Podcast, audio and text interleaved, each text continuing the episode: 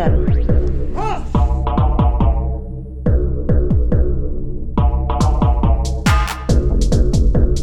Berätta inte för mig om det svenska klassamhället. Ska vi ha ett inslag där jag tuggar tuggummi? Jag har sett det. Folk betalar för sånt. Jag har växt upp i det. Jag hatar det. Gör de inte? Inte ens när en kommunist tuggar tuggummi intern. Ska vi börja med inslaget om stilar och sen så fortsätter vi med eh, Latinamerika-inslaget då, då? Det kan vi göra. Mm. Det roliga inslaget först.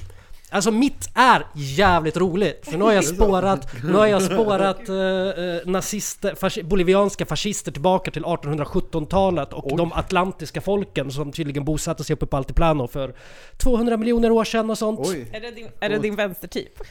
Nej, Det är mitt bolivianska Latinamerika. Vi, vilka har vi? Jag har ju rollspelsvänstern.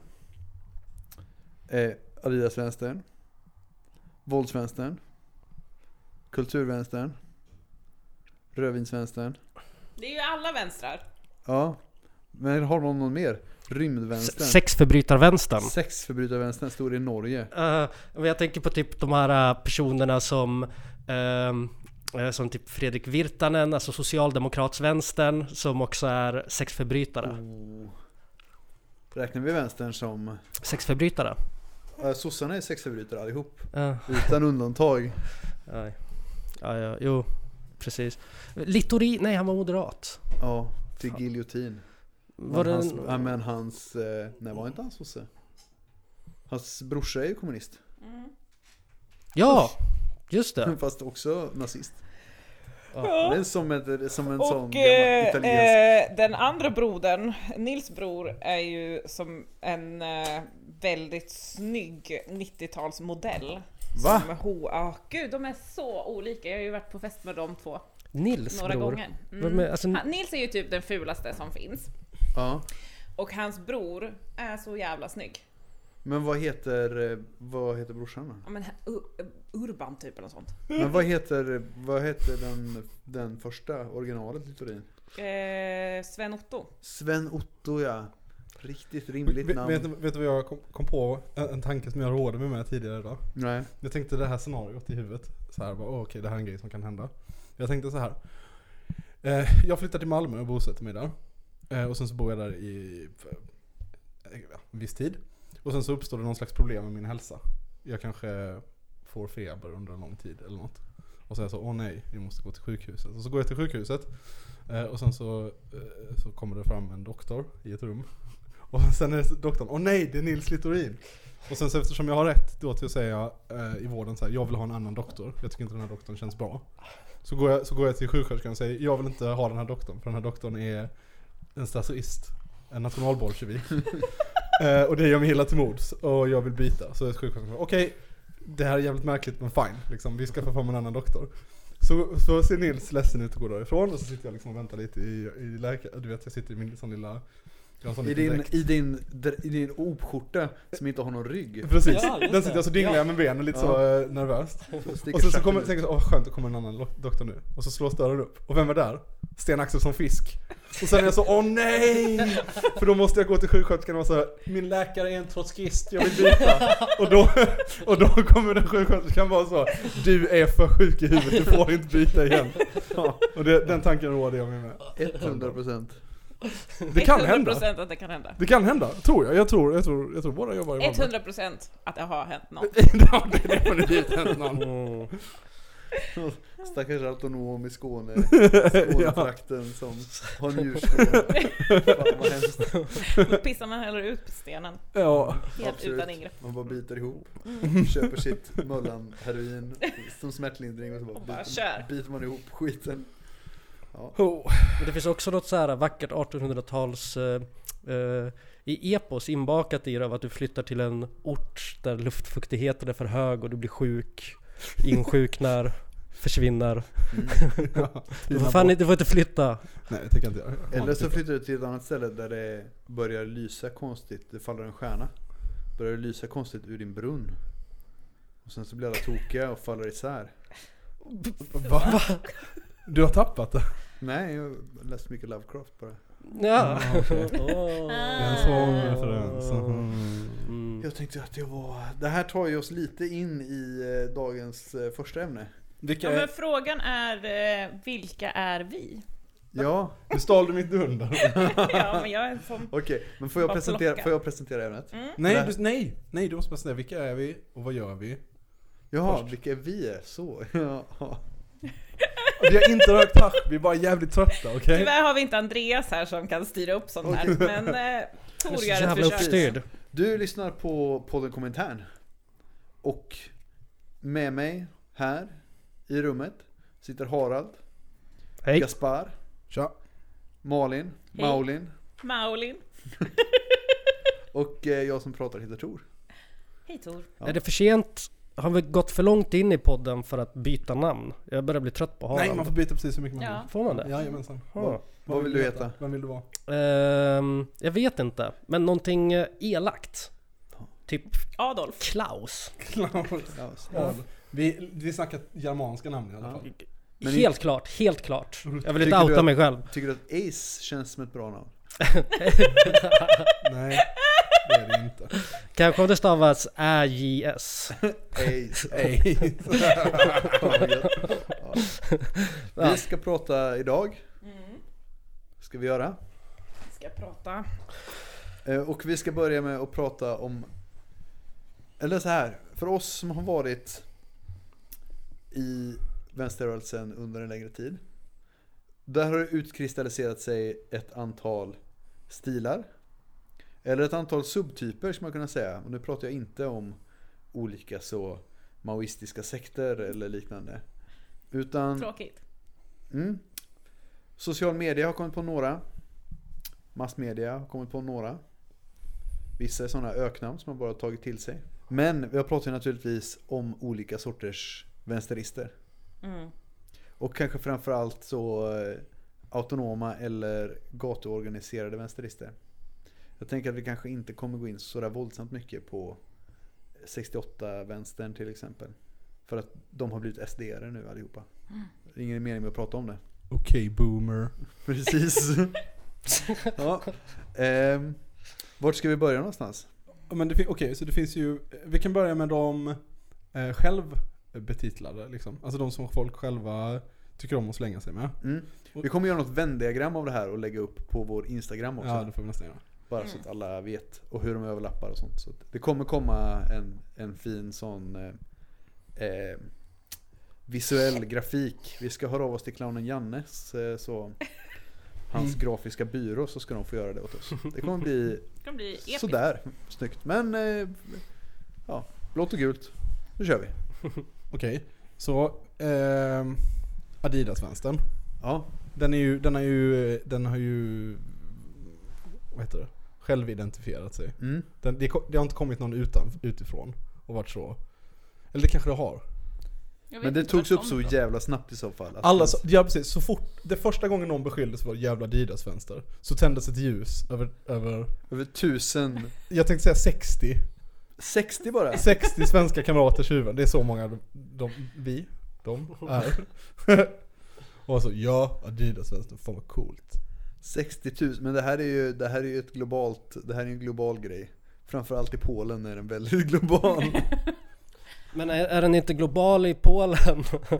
eh, hos liksom på alla parter? Ja, att även bara- nazisterna har Adidas? Det Där- finns liksom ingen... Nej men där kallar de det något annat I, i öst så kallas de för dieselmarxister Mm. Då har man halslänk i tungt, tung metall Man har Adidas Man sysslar med vad de kallar för gymteori ja. Vilket är jävligt fett Fan vad gött. Jag Och sen så är man eh, milt antiintellektuell. fan vad Gud vad sexigt alltså! Ja, det är väldigt Jag blir helt röd där. Och gymteori är faktiskt på riktigt en grej. Berätta vad det är. Ja, jag veta vad Off, men jag vet inte jättemycket om det, men, men som jag har fått förklarat för mig så är gymteori, ehm, det ska vara, det, ska, det är teori som ska vara anpassad för att man ska kunna lyfta tungt medan man snackar den och lär sig den. Mhm. Eh, Så lagom, alltså lagom mycket vikt helt enkelt. ja, Man ska kunna prata och lyfta samtidigt. precis. Men sen så är den, och sen så är den också, det är också en del av liksom en livsstil som är Alltså det är östeuropeisk arbetarism kan man säga. Mm. Eh, för de, de då eh, revolutionärerna i ja, men till exempel Serbien som, som tittar på 90-tals eh, nostalgi och så är de så, och turbofolk, stora grejer i forna Jugoslavien och de så, det är det här arbetarklassen gillar. Det här är ju att projicera styrka. Eh, vi ska också ha halslänk och eh, vara jävligt kralliga. Så gillar man kanske fotboll. Det gör man säkert. Och sen så har de också en slogan som är i princip omöjlig att översätta till eh, svenska. Det blir lite bättre på engelska. Mm. Eh, och den rimmar på ett fint sätt på serbiska. Men ja, jag vill höra den på serbiska först. Ja, det kan jag inte. Men, men på engelska blir översättningen, som jag har fått översatt för mig då, eh, Intellectuals, you can be connoisseurs of my dick. Och det kan man då sjunga. det är ganska kul. Okej. Eh, ja, vart, eh, så det här är alltså den globala polska eller serbiska Adidas-vänstern. Det är di- ja, dieselvänstern. Dieselvänstern. I Sverige så har vi Adieselvänstern då. I, I så fall. Vart, ja men jag har en fråga, alltså, för jag tänker att vissa av de här är, det här är kanske den som är mest liksom inte nationell i det att som på samma sätt som Frihetsfacklan är nationell, utan nationell i det att de finns överallt liksom. Och den överlappar också, för det finns ganska det finns ganska krustig Adidas-vänster till exempel i Malmö. När det är Adidas magväska cykel. Lite såhär discokrust, eh, Ja, det, det är discokrusten. Men går den över lite också på fotbollsvänstern? Den går garanterat över på fotbollsvänstern. Den överlappar väldigt mycket med en annan vänstertyp som vi kommer komma in på senare. Det vill säga våldsvänstern. Måste vi ha en struktur här överhuvudtaget? Kan inte bara Nej. hopa dem på varandra? Ja, vi får bara vi får Det hopa är så dem. många vänstrar som går in i varandra. Men jag skulle, vad jag menar med att Adidas-vänstern är ganska bred. Och det är väl den som är minst lokaliserad av de olika vänstertyperna som vi har. Det håller jag med. Alltså Stockholm, Adidas-vänster, jajamän. Malmö, Adidas-vänster, lite mera krustig. Göteborg, Adidas-vänster. Ja, Lite mer Adidas. lite mer Adidas, alltid mer Adidas. Sen så, ett annat, en annan grupp eh, som jag tycker mycket om. Lajvar-vänstern. Mm. Alternativt rollspelsvänstern. Nej, för att, okej men nu, nu ska jag bara, Oj, jag menar, blir det bråk nu? nej, nej, nej, nej, nej, nej, nej, nej, det finns ingen, jag menar bara, när jag säger lajvar-vänstern så menar jag inte vänstern som lajvar. Utan, Den, den finns ju. Utan jag menar de som alltid klär sig varje dag som om det vore antingen 30-tal, 60-tal eller 70-tal. ja, Okej, men är inte det där också ett så här, vad heter det, ideologiöverskridande fenomen? Liksom är inte hela den där eh, ha en snaggad på sidorna, lite hår uppåt, eh, vad heter det sån Vikings möter maffiafrilla ja. och så Vad- har man vad som dandy, dandy, lite dandyaktig Alltså, stil liksom. Att man går runt och ser ut som Peaky Blinders. Ja men exakt! Men, nej, men då är man ju cool.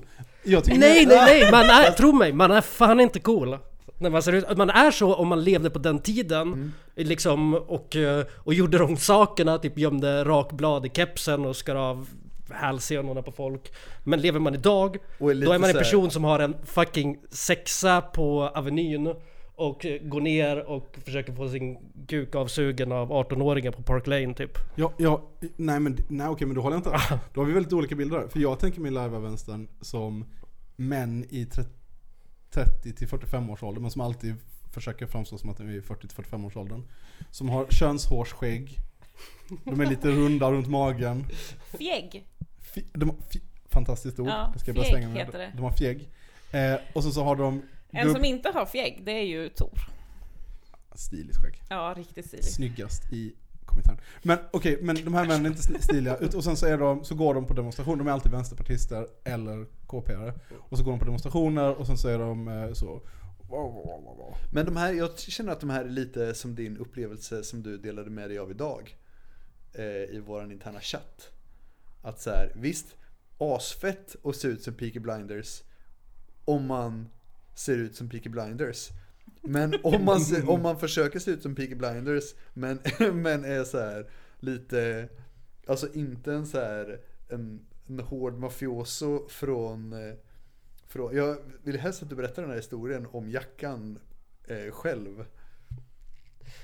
Alltså det finns, för alla som har sett Drive så har Ryan Gosling en otroligt snygg eh, jacka med en skorpion på, eller hur?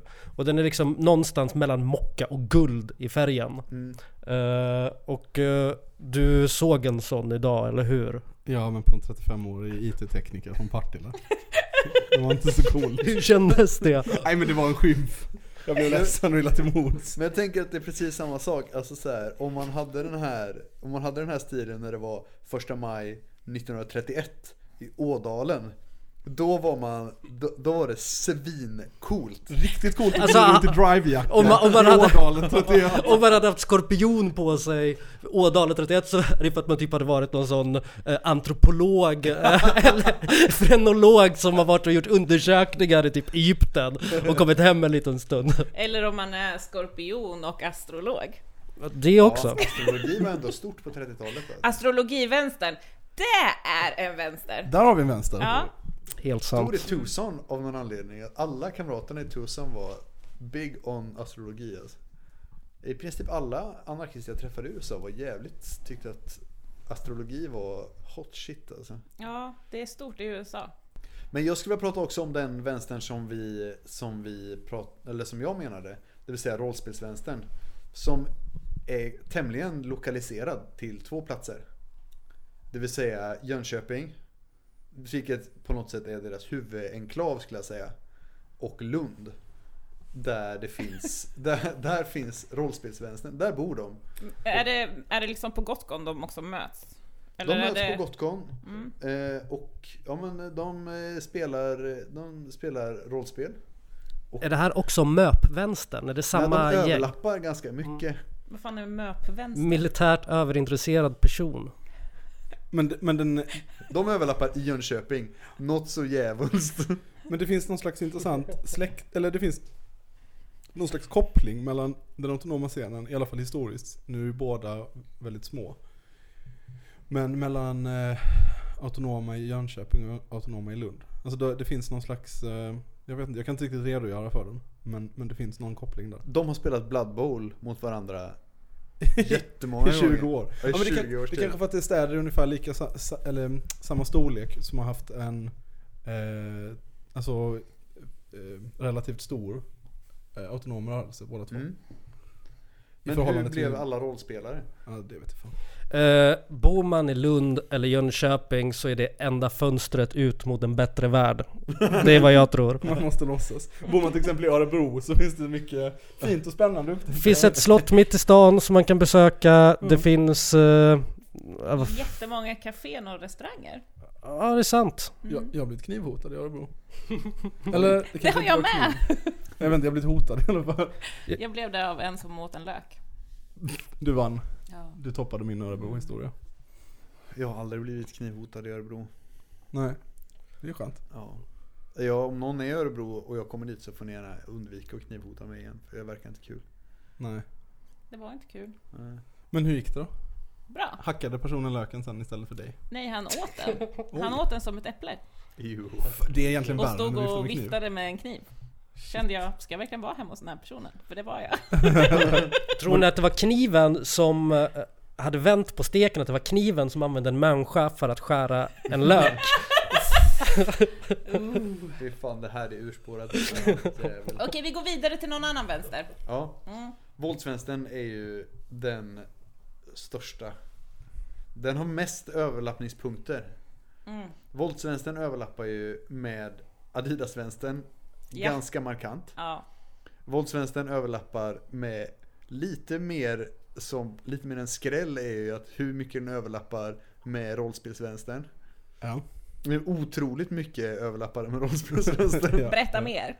Ja men eh, att så här, folk, folk, rollspelsvänsterister som jag har träffat liksom spelar Drakar och Demoner eller MUTANT eller något annat rollspel. Eller kanske något figurspel. Och ja, men, eh, slår folk på käften och kastar sten och gör det gärna och mycket och ganska bra. Mm. Det är en skräll, men, eh, men man ska inte underskatta rollspelsvänstern. Inte när det gäller i, inte när det gäller det. Dessutom, alltså om man bara spelar rollspel. Det är så mycket oprovocerat våld i rollspelsvärlden. Så att det är helt sjukt. De har internalise- internaliserat sina action points. Ja, så de vet precis. exakt hur, vad de måste göra på en runda under en kravall. Precis. Men att det är så här i random rollspel när man är 15, så bara, det, rider, det kommer någon och rider förbi er. Ja men vi dödar honom och tar hans grejer, såklart. Det är liksom varje gång. Det är som Diablo 2, bara dö, döda allt som rör, är det här som sig. eh, tv-spel som skapar våldsamma ungdomar? Ja precis, fast rollspel som skapar våldsamma, våldsamma vänsterpersoner.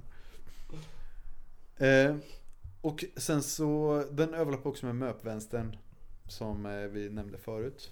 De är inte så jävla många, de är några stycken.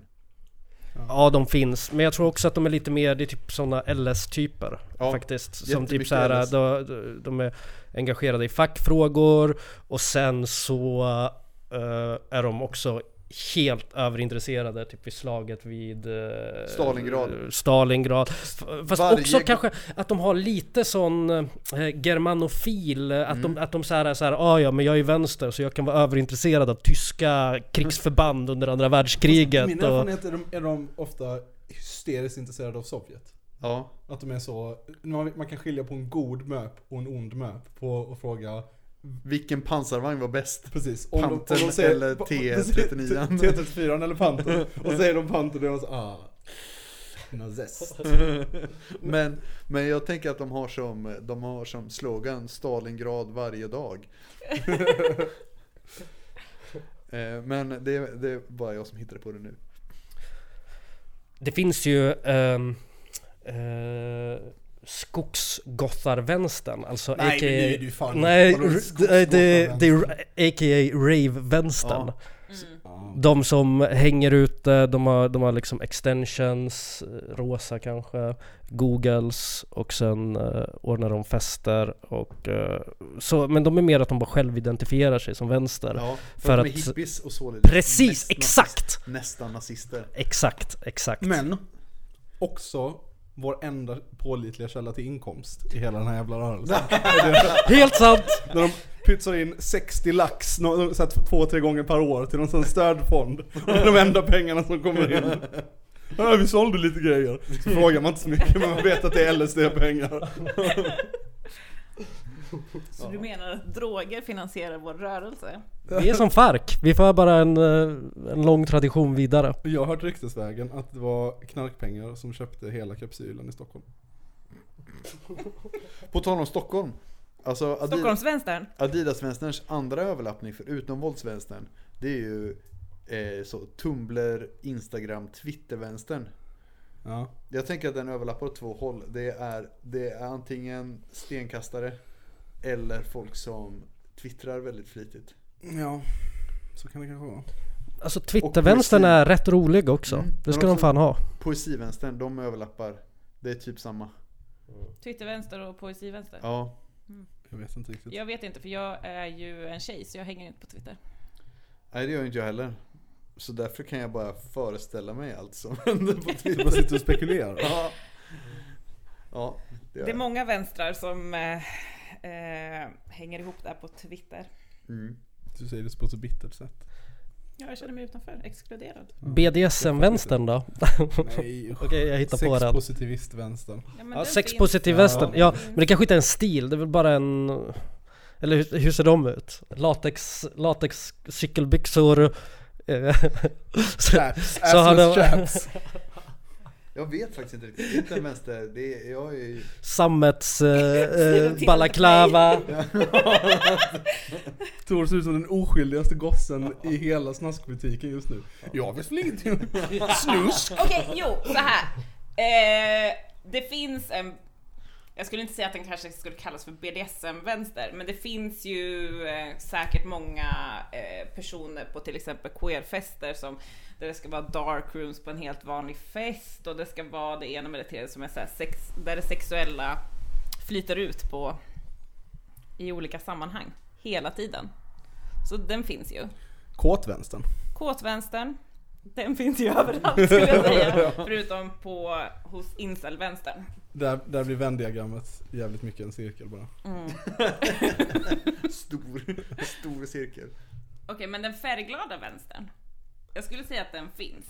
Eh, specificera. Ja, det Utveckla. finns allt, alltså i alla demonstrationer och på alla ställen så kommer det alltid någon som har typ rosa spandex med lila cykelbyxor på sig Mm. och sen så en rosa scarf för ansiktet och lite blommor Helt sant. och Är det inte så någon att den här, konstig väska och, och så. Och är- Maskerad men väldigt synlig. ja, är det inte så att den här personen i nio fall av tio också bryter lite på tyska? Mm. Men, för det fick mig att tänka på en annan sån, eh, det är inte så mycket en, ja det är väl kanske en typ. Alltså på varje demonstration så finns det också alltid en 16-årig punkare. Som har, som har röjarluva och också nitpaj och så står det så 'Fuck the police' på ryggen. Ja. Och sen så blir den personen alltid plockad av sådana elaka simmare. Som väger 160 kilo och sen plockar upp det lilla barnet och bär iväg det. Men kru, krustavänstern är ju, den är ju inte alltid, den, den, den finns ju absolut. Men Den är inte alltid så synlig. För att, Nej men de klär ju om när de ska de är ju på mesta, fest. tänker jag. ja precis, antingen så är de lite bakfulla. Eller, Eller, ja, de eller, så omby- eller Ja, ombytta. Men möjligt. jag tänker lite också vart, vart den här krustavänstern be- befinner sig för att i typ i, i, i Spanien så utgör ju krustavänstern typ den mest reaktionära rörelsen inom, Inom in, inom hela vänstern. Oj. Det var Otroligt, otroligt eh, individu, eh, otroliga individualister. Ja. det kan ju bero lite på att en stor del av dem består av eh, den venezuelanska överklassen som flytt och bestämt sig för att, eh, för att leva det co- coola punklivet. Jag tänker också att det är, att det är så här, om man typ skottar och det är mer så här, det är lite nihilistiska liksom. Det är mer så här att man ska vara utanför. Man ska bara vara vid sidan av typ. Och den är också, i, i den eh, i, i den familjen så finns det också undergrupperingen eh, punkbussvänstern. Som är Ja. de här punkarna som lever ett sånt nomadiskt liv över hela Europa som åker runt i, såna, i liksom, eh, bussar som de bor i. Och sen så har de en sån jävla avancerad eh, men helt obegriplig infrastruktur för att liksom kunna färdas till olika länder, fixa sina bussar, köpa två, tre hundar, eh, sälja ett stulet Xbox och så vidare och så vidare. Så drar de runt sådär. Eh, Det, jag tycker det är en fascinerande subkultur. Men jag tänker att så här, enda gången som man ser krustavänstern riktigt, eller så här, enda gången som vi har sett krustavänstern out in force i Norden de senaste 30 åren. Det var ju när de rev ungdomshuset. Då jävel. Men jag skulle säga att den är, alltså ja, Köpenhamn är det ju alltid där liksom. Men den köpenhamnska eh, kustarvänstern är ju kanske, jag vet inte, nu tar jag i från, från tårna här, men det känns ju som att det är en av Europas bästa. Jag är inte så säker på att den är lika, alltså den är, den är nog inte, den, det är nog inte som den spanska. Vad betyder bäst? Att men- den finns? Att Ja, den så- är synlig? nej, men- eller är det att de gör bra saker? Nej eller? men ja, alltså att den är gatuaktiv, Mm. eh, att de, eh, att de är, inte är reaktionära, att de eh, så, kör. Kör, De kör. kör. De kör. De kör. Det är gött. Men eftersom de inte är dumma i huvudet så när man kollar på typ så videoklipp från demos i Danmark så ser man inte Odda Krustavänstern. För de byter om! Är det sant? Ja. Det finns en vänster jag saknar ändå och det är kanske punkvänstern bortsett från den där enda punkaren. Alltså lite mer gammelpunksvänstern och eh, eh, eh, Redskins ser man ju aldrig heller. Nej det gör man inte. Men Oj, den, nej, det var länge sedan. Det, jo men den fanns. Det fanns eh, tidigt 00-tal Stockholm. Nej, alltså varje, varje första maj, men det är en annan sorts skinheads. Varje första maj ser man, jag ser en eller några bulor varje första maj. Men då har de så här, då är det den sortens bulor som har liksom trekvartsrock, gubbkeps, som är så här Spirit of 69 skinheads. Det är liksom inte så här kammobrallor, kammobrallor, bombarjacka, 16-hålskängor. rånar- rånarluva, Dr. Martins och baseballträ. Fast som inte är nazister utan som är liksom antifascister. Ja, den vänster som jag saknar mest av allt. Eller den sortens antifascistiska gruppering som jag saknar mest av allt. Bombkastande anarkister. Nej, nej, faktiskt inte. De är andra plats. Det är ju Tom och Finland vänstern. Eh, ja, Vadå, vad- berätta, berätta. Vad, vilka? Tom och Finland vänstern, där det är så här. De finns ju inte. Jag, jag önskar, alltså Tom och Finland antifascister hade varit så jävla Men gött. förklara vad det är. Det är män som väger 300 kilo styck. Bara muskler. Skinn. alla plagg ser ut att vara köpta på barnavdelningen för att de är så stora liksom. Och en tredjedel av den vikten, det är bara kuken. Men vad säger Tom i Finland? Tom, Tom av Finland, Tom av 1900-talets Finland. största konstnär.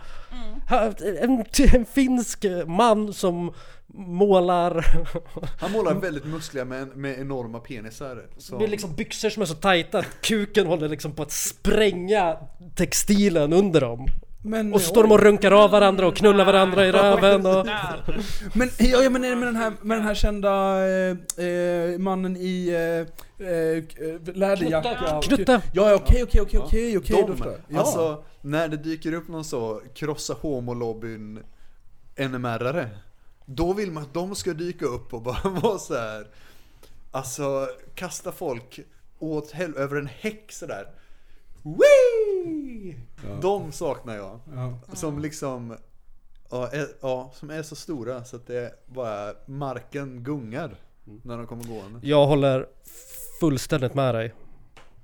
Okej, men eh, det här kanske blir lite, lite löst hållet, lite blajigt, lite, lite tramsigt. Men det kan det få vara. Eh, man måste inte alltid ha...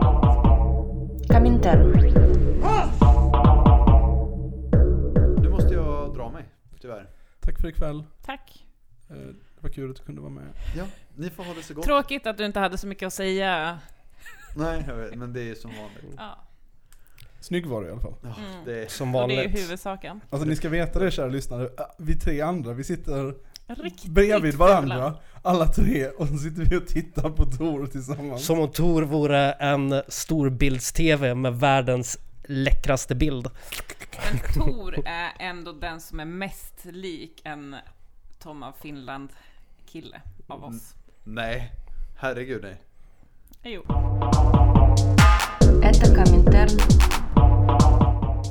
Kaffet är kokat. Tor har lämnat. De hata, heta takesen är nyss plockade ur ugnen. Vi har kommit fram till att det är fascistiskt att ha på sig kläder. Vi har just förlöst, eh, aborterat de... eh, Nej skitsamma, jag kommer inte på någon bra liknelse för takes. Du vill, eh, du vill berätta någonting för oss? Ja, men eh, det känns inte som, som att det är någonting jag behöver berätta för någon utan alla har väl eh, hängt med om mer eller mindre om vad som händer i Latinamerika just nu. Att det är kokpunkt. Igår så var det hundratusentals människor ute i Colombia. Eh, generalstrejk, lamslog hela landet. Försökte, som en reaktion mot Ivan Duque, den absolut den, den politiska ledaren just nu med mest punchable face på hela jorden. Och den som inte tror mig, kolla upp honom. Ivan Ducke. Duque, ja. Alltså han... Seriöst. Eh, jag tror att han kanske... Att han kanske är blonderad också. Och nej, på sådär fult sätt. Ja, alltså han är blonderad på typ eh, att han, att han har fått höra på någon sån Shailon-fest, alltså sån eh, gringofest, att han inte ser tillräckligt eh, vit ut. Och då har han eh, gått hem och så har han stått sådär och gråtit framför spegeln och använt sin frus eh, sin frus eh, hårfärg. Ja. Mm. Eh, ja, eh, det händer till exempel i Colombia. Sen har vi i såklart Chile där 22 människor har mördats utav eh, den gamla Pinochet-polisen. Los Carveneros. Och eh, samtidigt så har Lula släppts fri i Brasilien. Eh, vi har Paraguay som också nu håller på att försöka göra upp med den eh, vad ska man kalla det för, konstitutionella statskuppen som genomfördes för, en, vad kan det vara, en tio, tiotal år sedan nu? När man helt enkelt gjorde precis som i Brasilien och i, i Argentina, att man åtalar hela sin, hela vänsteroppositionen för korruption. Um, så det är mycket som händer i Latinamerika, men kanske det, ställe, det stället som det händer mest på just nu och det som kanske har mest med oss att göra på många sätt är det som händer i Bolivia. Där en, en och nu använder inte jag det här begreppet för att, eh, som, vad heter det, derogativt, vad heter det? När man ska använda det som förolämpning. På taskigt sätt. Jag använder det inte på taskigt sätt. Men där eh, fascisthögern eh, har eh, avsatt tillsammans med militären, då genomfört en militärkupp. Det är det som har skett. Och avsatt mm, sittande president Evo Morales. Eh, och... Men Harald, Harald. Evo Morales har ju suttit i 14 år. Mm. Var inte han någon slags eh, dikt, diktator? Ja. Och det här tycker jag att vi kan göra upp med nu. Ifall Evo Morales kan lika gärna för mig, jag skiter i honom, jag skiter i liksom, eh, jag kommer aldrig någonsin ens gå in i en polemik med folk som försvarar Morales utifrån någon så här konstitutionell, eller angriper honom utifrån någon konstitutionell eh, Eh, vinkel. För det är skitsamma. Alltså om jag hade fått bestämma, om jag hade varit Morales, jag hade för fan satt varenda jävla högertomte i koncentrationsläger och kollat på dem när de arbetar sig till döds uppe på, eh, uppe på liksom högplatån. Det är vad jag hade gjort. Det är så jävla mycket jag bryr mig om liberala demokratiska principer. Inte ett jävla skit. Men det som Morales har gjort i egenskap av president är att han har lyft ursprungsfolken och då snackar vi alltså inte bara om Aymara och Quechua-folken eh, liksom, som utgör den största delen utan även de som bor nere i Amazonas, i Benny, vad fan det nu kan vara. Eh, från att leva i ett de facto apartheidsamhälle. Alltså åker man till Bolivia, går man in på en bar, vart det än är, så kommer man se skyltar sitta uppe. Det är så tvångsmässigt. Eh, där det står Todos somos iguales ante la ley. Vi är alla lika inför lagen.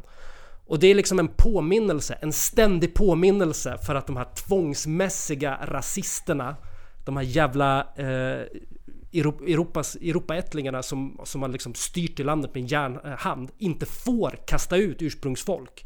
Inte får vägra att servera dem. Så sitter de här jävla löjliga skyltarna uppe.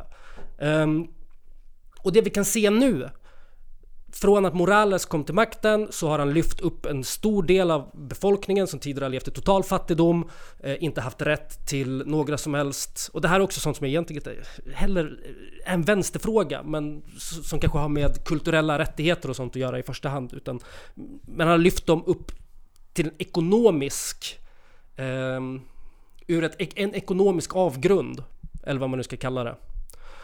Eh, och det här eh, är någonting som kuppmakarna, det första, det absolut första de gör är att angripa, inte Morales, inte vänsterpolitiken, utan 60% utav befolkningen.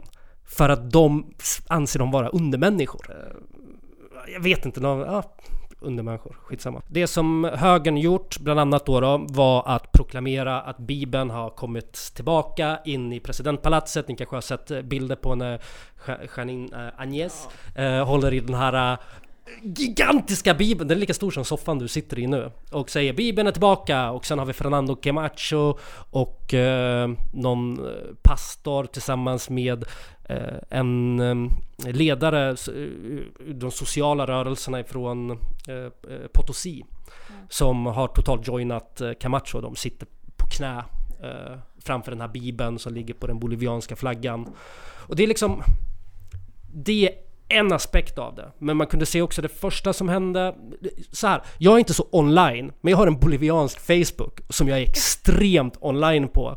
Och jag har sett så jävla mycket videos på poliser och militärer som klipper av Whippalan, som är ursprungsfolkens flagga, från sina uniformer. Eh, hur de, hur eh, maskerade grupper av poliser och eh, medborgargarden letar upp eh, random ursprungsfolk på gatan, misshandlar dem och tvingar dem att erkänna, torterar dem och tvingar dem att erkänna att de typ är colombianska infiltratörer eller venezuelanska agenter som är där för att destabilisera landet. Ehm, Kokaproduktionen, eh, alltså utav kokablad, eh, är ju väldigt stor i Bolivia för att kokabladet används som vi använder kaffe, te. Eh, det är också ett väldigt starkt kulturellt värde. Men det här parasiterar ju högern på någonting som kommer från 80-talet och den tidens fascistdiktatorer som, som, som använde kriget mot droger som ett svepskäl för att förtrycka befolkningen. För att få använda extremt mycket militär och polis mot civilbefolkningen. Håller de ju på att göra igen nu när de kallar kokabönder och folk som har något som helst med kokablad att göra för eh, narkotrafikantes. Alltså eh, knarksmugglare. Så det vi ser är liksom en total tillbakagång till högerns glanstid, vilket var 80-talet. Det var den tiden då diktaturen hade fallit och man kunde börja eh, ta lån från IMF, genomföra olika sorters eh, strukturanpassningsprogram, sälja ut i princip allt eh, och bli hur jävla rik som helst. Och det är exakt det som händer nu. En slags återgång till den tiden efter eh, att diktaturen fallit. Men det här, och det här är ju ingenting nytt heller. Alltså högern, den fascistiska högern i Bolivia går spåra ända bak till ja, 1920-talet. Um, ehm, det fanns en eh, man som hette eh, Belegario Diaz Romero som var född i La Paz. Han kom på, eh, han var kreol, alltså tillhörde en vit överklass. Tjänat, kreoler används på olika, i olika sätt. I Latinamerika så betyder kreol helt enkelt att man är vit, att man är europé och att man är svinrik. Eh, han skapade en slags eh, eh, socialvetenskap, människovetenskap av att det finns eh, tre olika folk i världen. Det finns eh, eh, de som han kallas, eh, kallar för eh, Homo n-ordet, Homo atlacius, Homo atlanticus. Och Homo atlanticus var ett ariskt folk som levde uppe i Altiplano för ungefär 200 miljoner år sedan. Mm. Men det här är ju plockat från nassarna. Mm. De var också inne på det här med folk från Atlanten. Det, det är tvärtom, det är nassarna som plockar det här ifrån den här mannen. Ah, okej, För okej, på okej. 30-talet så dyker det upp, en, eller 20-30-talet så dyker Edmund Kiss upp. Framtida SS-befäl. Och eh, ska besöka Tiwanaku som är en sån förhistorisk stad byggd av ursprungsfolken som levde där då. Eh, Tiwanaku-folken. Tror jag att de heter. Eh, sorry ifall det är fel. Eh, som då hade en helt egen teori. Han påstod han tänkte sig att eh, i det som är nuvarande Bolivia, att för ungefär två miljoner år sedan så hade det varit en kataklysmisk, kataklytisk händelse, jag vet inte vad det heter. En, en, en slags, eh, en sån eh, he- utlösande händelse. En händelse som liksom förändrande, jag vet inte hur man ska kalla det. Ehm, där en måne kolliderat med jorden och vilket föranlett till att det var, blev liksom så här glaciärer som drev omkring överallt och det var, fanns ett nordiskt folk eh, som var tvungna att fly då, då från där de hade bott innan, alltså i Norden och då hamnade de uppe i Altiplano Okej. och eh, Är där det här hyperboreanerna dyker upp Ja, också? ja, ja, det är, det är Ah. samma, samma gäng. Deep nazi lore. Ja, det är deep nazi lore. Och eh, de flyttade helt enkelt dit till, eh, till högplatån där liksom marken var bördig och eh, byggde då den här, de här civilisationerna eh, som... Hur, hur, hur är den förlorade kontinenten Lemuria? Har du, är det, Jag, jag har inte en aning. okej för att det Jag, finns, jag får höra. Ja. Berätta. okej för att det finns, det finns ju de två, två förlorade eh, liksom riken eh, Eh, i, i den här, i det här sättet att förstå historien. Det finns dels Atlantis som då nazisterna spårar arierna tillbaka till. Eh, men sen så finns det också eh, en annan, eh, inte stad, snarare kontinent, som heter Lemuria. Eh, och Atlantianerna och Lemurianerna, de var i konflikt med varandra. Eh, och Lemurianerna, de som tror på Lemuria då, menade att Lemurianerna var de goda och de snälla. Eh, de var ett mer så här naturfolk och de, de levde nära eh, liksom naturens krafter. Och, eh, och hade en, en djupare förståelse för, för, för världen. Men de hade den mer intuitivt, tror jag. Medan atlantianerna är då, var, var då mer så science geeks. Typ, jag vet inte. Men sen så, men sen så på något sätt, och sen så hade de någon slags, man hade nog inte krig, men de hade någon slags konflikt. Och sen så eh, blev lemurianerna förrådda av atlantianerna. Atlantianerna ljög om när månen skulle träffa jorden. Så de hann inte rädda sig. Utan det, hela deras civilisation gick under när månen träffade jorden. Och det, deras kultur gick förlorad. Vilka ställer sig nassarnas? För att nass, jag tänker nassarna är lite mer så här. Eh, Come and taste the power of human German engineering! Nej men jag, jag, tror att, jag tror att nassarna är Team Atlantis. Ja, precis. Om de överhuvudtaget eh, erkänner Lemurias existens, men jag är lite osäker. Ja.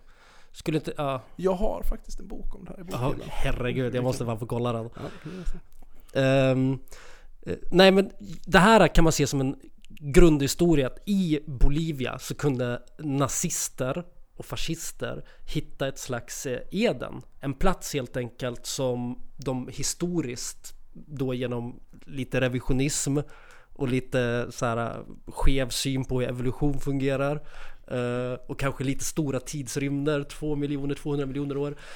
Men de, som de kunde lägga, göra ett, liksom ett historiskt anspråk på. Vänta, Vilket, vänta, är det här nazisternas Israel?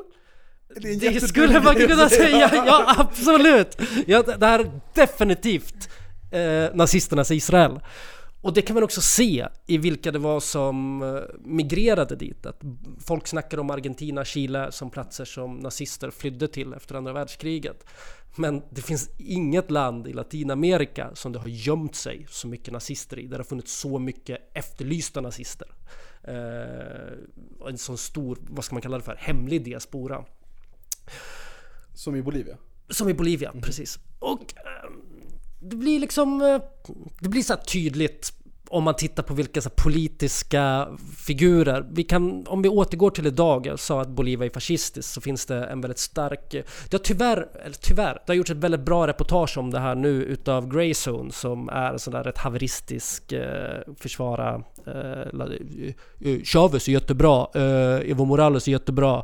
Men de har i alla fall gjort ett reportage nu som handlar om eh, fascismen i, i Bolivia eh, och Camacho, alltså kuppledarens fascistiska anknytningar och sånt. Men eh, de pratar också om en man som heter Branko eh, Marinkovic som eh, är son till vad han själv påstod var en kommunistisk partisan men som hans CIA-profil och typ alla andra bara såhär Nja, vi vet inte kanske om han var partisan direkt. Han kanske snarare var med i, vad heter det, Ustache-regeringen, eh, rörelsen. alltså nazist. Och det är ett historiskt faktum att Bolivia var det stället som Ustache eh, partimedlemmar flydde till efter kriget helt enkelt. För att undgå då hämndaktioner från eh, Jugoslavien, ja precis partisanerna. Ehm, den här personen, Branco, har varit involverad i, sägs det, att finansiera olika fascistmedborgargarden. Eh, 2008 var ju senast som det var ett sånt stort fascistiskt uppror i Bolivia. Där man kunde liksom se sådana Isis-teater åka omkring med svastikor. De letade upp ursprungsfolk som de eh, attackerade. De sköt ihjäl 13 bönder som var på väg till ett fackmöte uppe i Beni som är en av provinserna där. Och eh, den här fascisten har då varit med och eh, eh, finansierat det på olika sätt. Branco. Ehm, och det tar liksom... Och jag tror att det är viktigt att, att verkligen förstå att det som finns i Bolivia bland den vita delen av befolkningen nere i Santa Cruz, Beni och i Tarija, Sucre är en extremt levande och reell nazist och fascistisk ideologi. Det är ingenting, det är ingenting som Sverigedemokraterna där man liksom skapar ett helt, eh, ett helt så alternativ så här, ja men vi måste bevara eh, den svenska kulturen, eh, typ sådana saker, utan det är ren ras. Eh, de är raskrigare. Mm. Eh, rätt in i själen. De hatar Evo Morales så mycket. De hatar ursprungsfolk så in i hjärnan. De ser dem som undermänniskor liksom. Mm. Ehm, och precis, och Branco har ju då, då kommer ju då från fascist, eh, ja som jag sagt fascistfamilj men eh, vi har ju också kanske den mest framträdande diktatorn i Bolivia eh, som var den som var med och instiftade, utvecklade eh, Operation Condor-projektet. Känner ni till Operation Condor? Vänta, får jag bara backa en sekund? Eh, Den här Branco-karaktären, Ja. är han i spel nu också? Ja, han är i spel nu också. Ja. Okej. Han blev bland annat... eh, det här är så här generation, det, är så, det blir så här generationsroman. Jan Guillou borde skriva den här. Han var ju tvungen att fly landet 2008 för att... Eller 2009 eller 2010 för han blev åt... Han blev liksom anklagad av eh, MAS för att ha varit involverad i en... Eh. Evo Morales, precis. Parti för att ha varit involverad i ett mordförsök på eh, mordkomplott mot Evo Morales. För det hade kommit två stycken, en ungersk boliviansk och en irländsk eh, fanatiker som varit med och slagits i Balkankriget för sådana as, motsvarigheten till typ Azov-bataljonerna och sånt på kro- eh, kroaternas sida som eh, tillsammans med en annan grupp eh, bolivianska fascister eh, skulle helt enkelt eh, mörda eh, ja, Evo Morales. Råddiga typer. Ja men verkligen! Och det blir det. Man skulle ju kunna göra, det börjar med eh, Brancos pappa, så här man skriver om hans liv och sen så kommer Branco och sen så kommer de här unga, eh, nya, det skulle vara en fet generationsroman tror jag. Jag får Eller? bara av någon anledning visionen av att man, man går in på den lokala kvarterskrogen en fredagkväll. Ska ta några öl med några polare. Och så sitter de här två personerna där och så inser man direkt Aha, det är en, det är en ungersk, boliviansk och en irländsk Soldier of Fortune. Alltså de hann inte ens, de hann bara komma till landet innan de avslöjar sig själva och blir ihjälskjutna på, Åh, av polisen när de hamnar i Fan en, eh, vad heter det, pistolstrid med dem. Så att, ja. Så att det finns många, det man ska... Eh, det, det finns ännu fler kopplingar. Eh, USAs gamla ambassadör i Jugoslavien under uppdelningen var, blev tilldelad plats eh, som USAs ambassadör till Bolivia 2009 men han blev utkastad eh, när man insåg att de försökte med en balkaniseringsteknik där man försökte helt enkelt bryta loss delar av Bolivia som skulle utropa självständighet och sånt då. Så det finns mycket Balkankopplingar. Och bara snabbt här. Eh, den sista, absolut sista fascistkopplingen här är ju Hugo Avanzer. Jag vet inte om ni har ta- eh, Hugo Wanzer, jag vet inte om ni har hört talas om honom. Eh, tog hjälp av Klaus Barbie med andra till att utveckla Operation Condor som var det här programmet man använde sig av för att jaga kommunister, tortera, mörda. Otroligt brutal tortyr transnationell tortyrkampanj i Latinamerika under 70-talet. Ehm, han eh, tillhörde ju den eh, bolivianska eh, systerpartiet till falangisterna i Spanien. Eh, socialist, socialistiska falangisterna kallas de. Eh, som eh, anammade i princip hela eh, Francos eh, styrelsesätt. Uni- allt ifrån liksom, uniformer till sättet man pratar på. Eh, etc, etc. Kan ni gissa vilket land hans pappa kommer ifrån? Kroatien. Nej, det är nära. Serbien. Tyskland. Ah.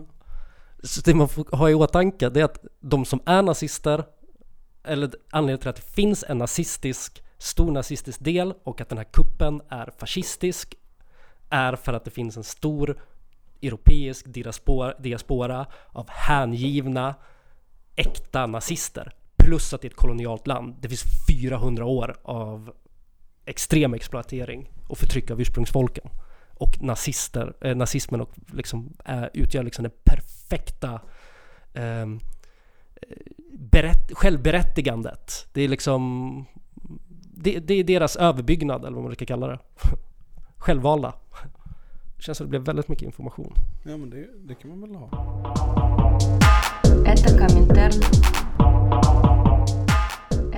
Jag, jag, jag har en take. Mm. Okej. Okay. Den är, den är light-hearted i jämförelse med vad vi, vi precis har gått igenom. Låt höra. Demonstrationer i Bolivia går väldigt snabbt. Det joggas.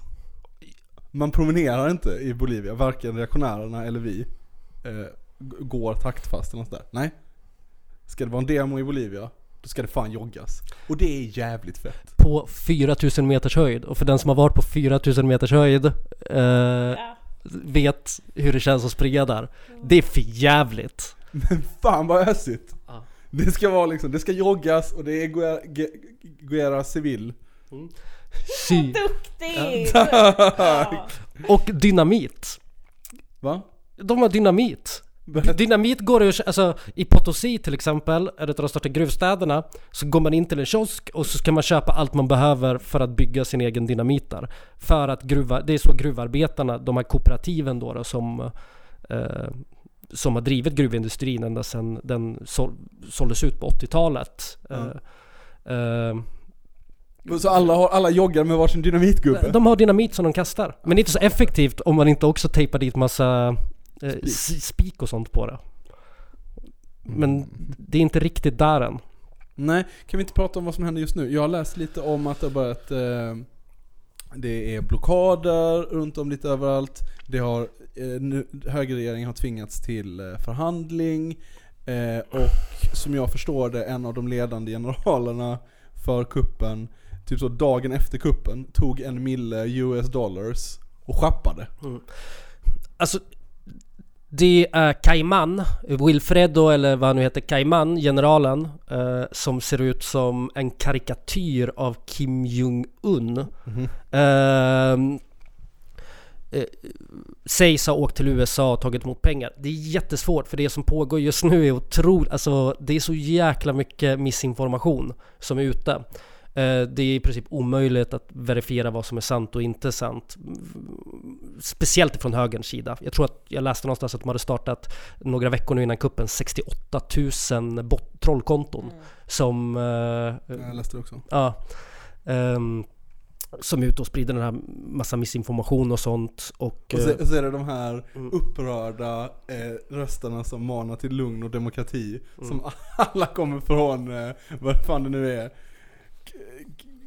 Virginia Langley eller någonting. Där CIA har sitt huvudkontor. Så finns det en sån, eh, en sån upprörd boliviansk diaspora av demokratiivrare som är så. Det är dags för Evo Morales att avgå tycker vi. Och det, och det är fan viktigt att komma ihåg, vilka är diasporan i USA? Jo, det är deras gamla president eh, Luciado Sanchez, också kallad El Gringo, för att han bröt så mycket på amerikanska att befo- att folket, det var liksom deras kärleksnamn. Ah, El Gringo.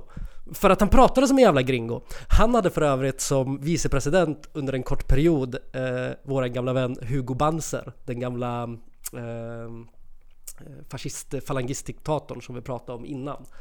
Eh, innan han blev jagad ifrån Bolivia utav eh, eh, de sociala rörelserna som skulle skapa MAS och Evo Morales parti. Eh, får jag bara säga en sak här också som inte jag tror är tillräckligt klart. Carlos Mesa som ställer upp i valet mot Evo Morales eh, var vicepresident efter gaskriget 2003 som var en konflikt mellan ursprungs, alltså El Alto och militären efter att man sålt ut gasnätet till Chile. Eh, han blev president efter att de jagat eh, El Gringo ur landet eh, men blev avsatt också för att han var så jävla inkompetent. Han var tvungen att avgå för att han gjorde så mycket löften och det, det var han som ställde upp i valet nu igen. Eh, så att han har en historia som liksom som en liten horunge. Oj.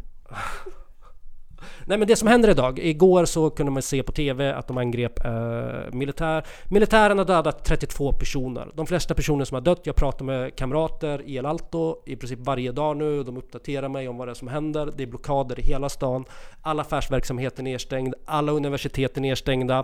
Eh, folk är ute på nätterna och ser till att inte eh, högerextrema grupper och poliser infiltrerar olika grannområden, ser till att eh, plundrare inte går in i affärer och sånt. Eh, det är blockader varje dag. Man får se det som att det här är otroligt alltså, socialiserade eh, aktiviteter. Att hålla en blockad och att upprätthålla att, att liksom estar en mobilisation, att vara mobiliserad. Ja, för det tänker jag om, eftersom, eh, eftersom Mars ändå har eh, varit eh, ett så här statsbyggande parti i 14 år och det måste ha funnits en lång, lång, lång period av uppbyggande innan dess. Så tänker jag mig att det måste vara en ganska väloljad maskin ändå. Alltså de, de, de sociala rörelserna som utgör det partiet, om jag förstår partistrukturen rätt.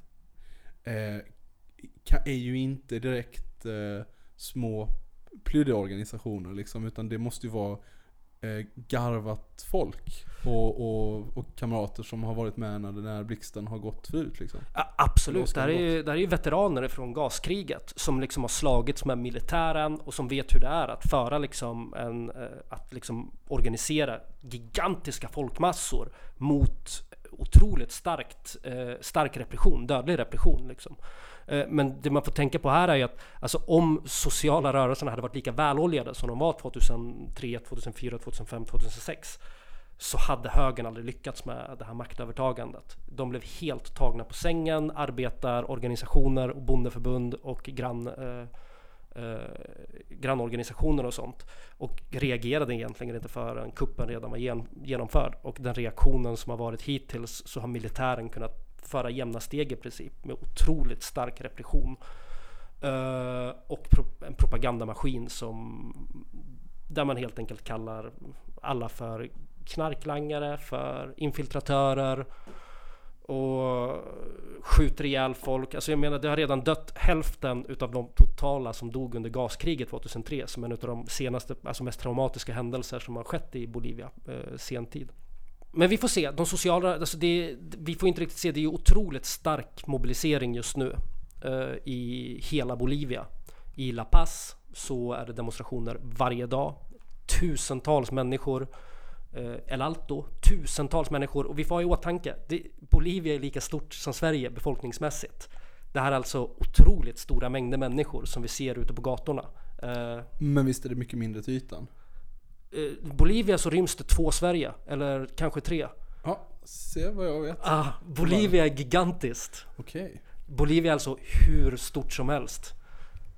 Det syns inte på en sån där karta. Men det är alltså... Men okej, men eh, eh, okej, annan eh, kanske dålig eller felaktig information. Eller jag vet inte, fördom. Nej, nej fördom inte. Men, men det, jag tycker jag har snappat upp någonstans att, att också att Bolivia är ett väldigt ruralt land. Mm, det är det. Och att det också är den här, man kan också dra konfliktlinjer mellan urban, den urbana högern och den rurala vänstern. Ja, jag tror att man kan... Man får se att i El Altos, där det huvudsakliga motståndet som sker nu sker, är det mycket... Att vara bonde, det är en identitet i Bolivia. Det är en identitet på samma sätt som att vara indigena, alltså ursprungsfolk, eller originario, som också är en typ av ursprungsfolk, eh, eller afroboliviano. I konstitutionen så skyddas campesinos, originarios, indigenas, det nämns som en egen kategori. Och det är just för att det finns, som du säger, en otroligt stark bonderörelse. Men den rörelsen har extremt mycket att göra med den nya urbana, eh, den nya urbana Bolivia, vilket är ursprungsfolk som har migrerat och bönder som har migrerat in till El Alto. Man får tänka att El Alto var en småstad för några decennier sedan och det har blivit en miljonstad där det har vuxit ikapp La Paz. Och det är utav ursprungsfolk och ursprungsfolk som har profiterat otroligt mycket eller vunnit otroligt mycket på, eh, på Evo Morales styre. Helt enkelt. Det, Och vad har den, vad, hur ser liksom ehm, den här, den här folkförflyttningen, hur livnar den sig i staden? Är den, är den eh, arbetare tänker jag mig att det är. Jag tänker att inte alla de människorna startar företag. Men alltså, är det liksom går, går ungdomarna där till universiteten? ungdomar, eller- sen Evo Morales tog makten, ungdomar läser på universitet, alla barn jobbar ju såklart fortfarande dock, men man jobbar inom eh, bygg, byggnad, man jobbar, alltså bygg, man jobbar eh, i affärer, man jobbar massa olika saker. Okej, så det är, det är ar- arbetar, urban arbetarklass? Precis, urban arbetarklass. Det finns ingen industri. Alltså arbet, arbetare som är arbetare i Bolivia är ju en otroligt marginell grupp. Mm. Eh, och också har visat sig historiskt i Bolivia vara otroligt klassförrädisk grupp. Mm. Eh, tyvärr.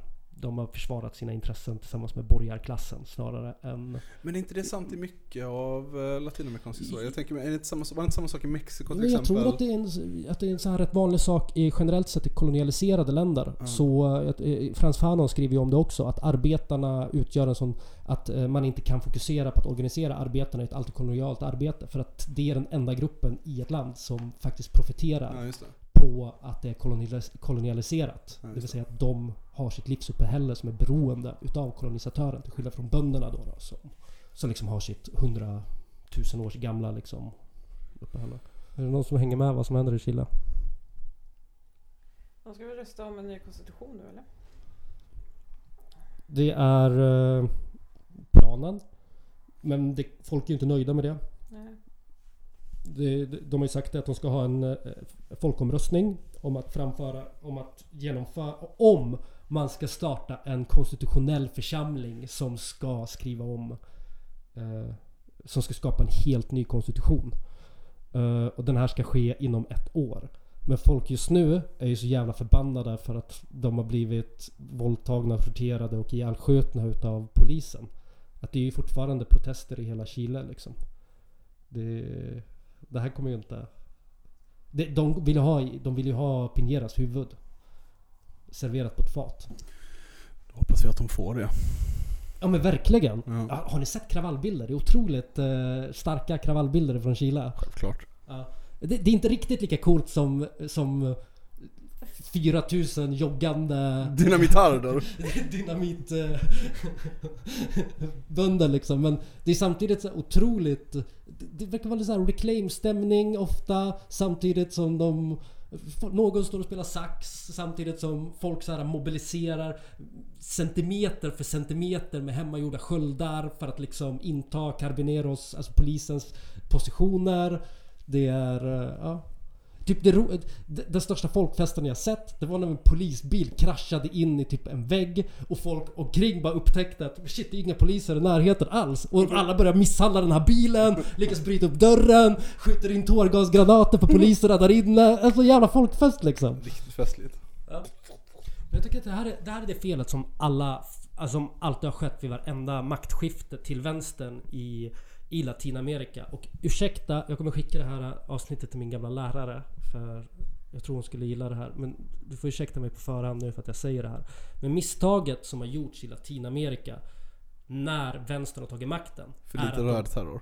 Precis. De har inte gjort upp med de personer innan. Men det handlar också om att militär, alltså att det enda landet som har gjort upp med sin militära apparat efter en diktatur i Latinamerika är Argentina. I Brasilien, i Bolivia och i Chile så håller militären eh, folket gisslan. Det, det, det är samma personer som sitter och ingår i de militära strukturerna där som var med och var unga kanske på, i de militära diktaturerna på 70 80-talet. Men vad hände i Argentina då? I Argentina så har man åtalat och eh, liksom, vad heter det?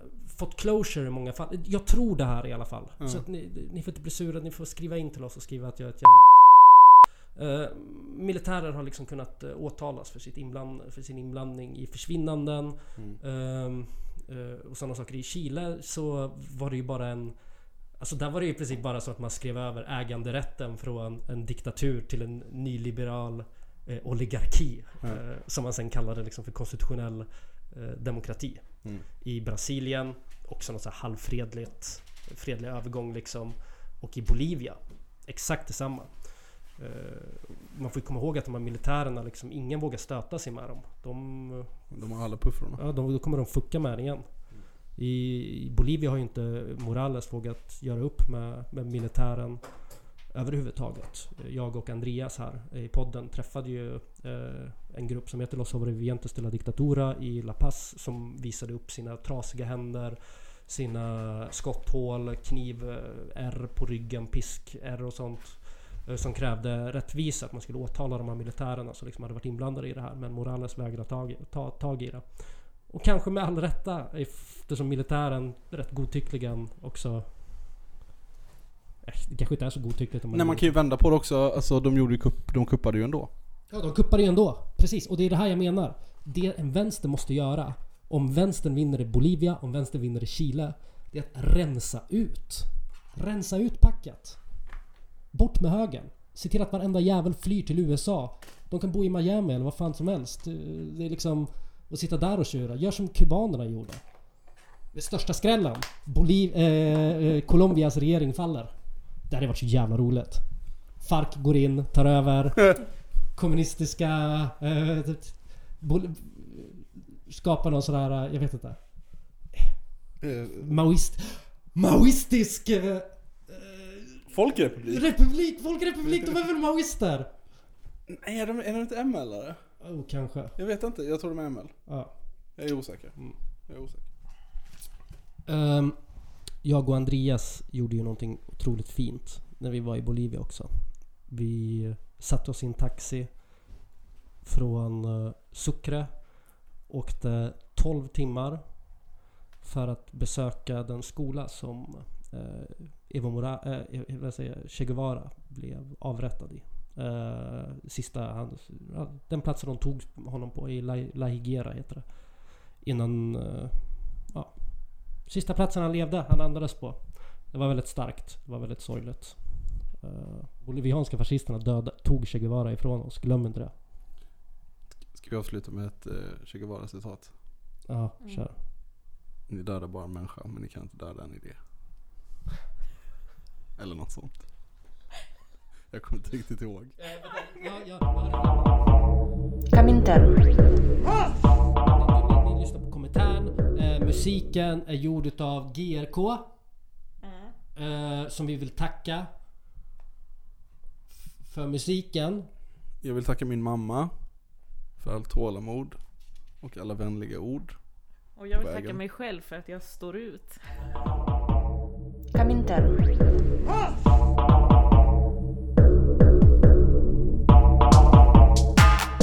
Hej, jag heter Che Guevara, jag är doktor och jag dog i en sjukdom. Smart!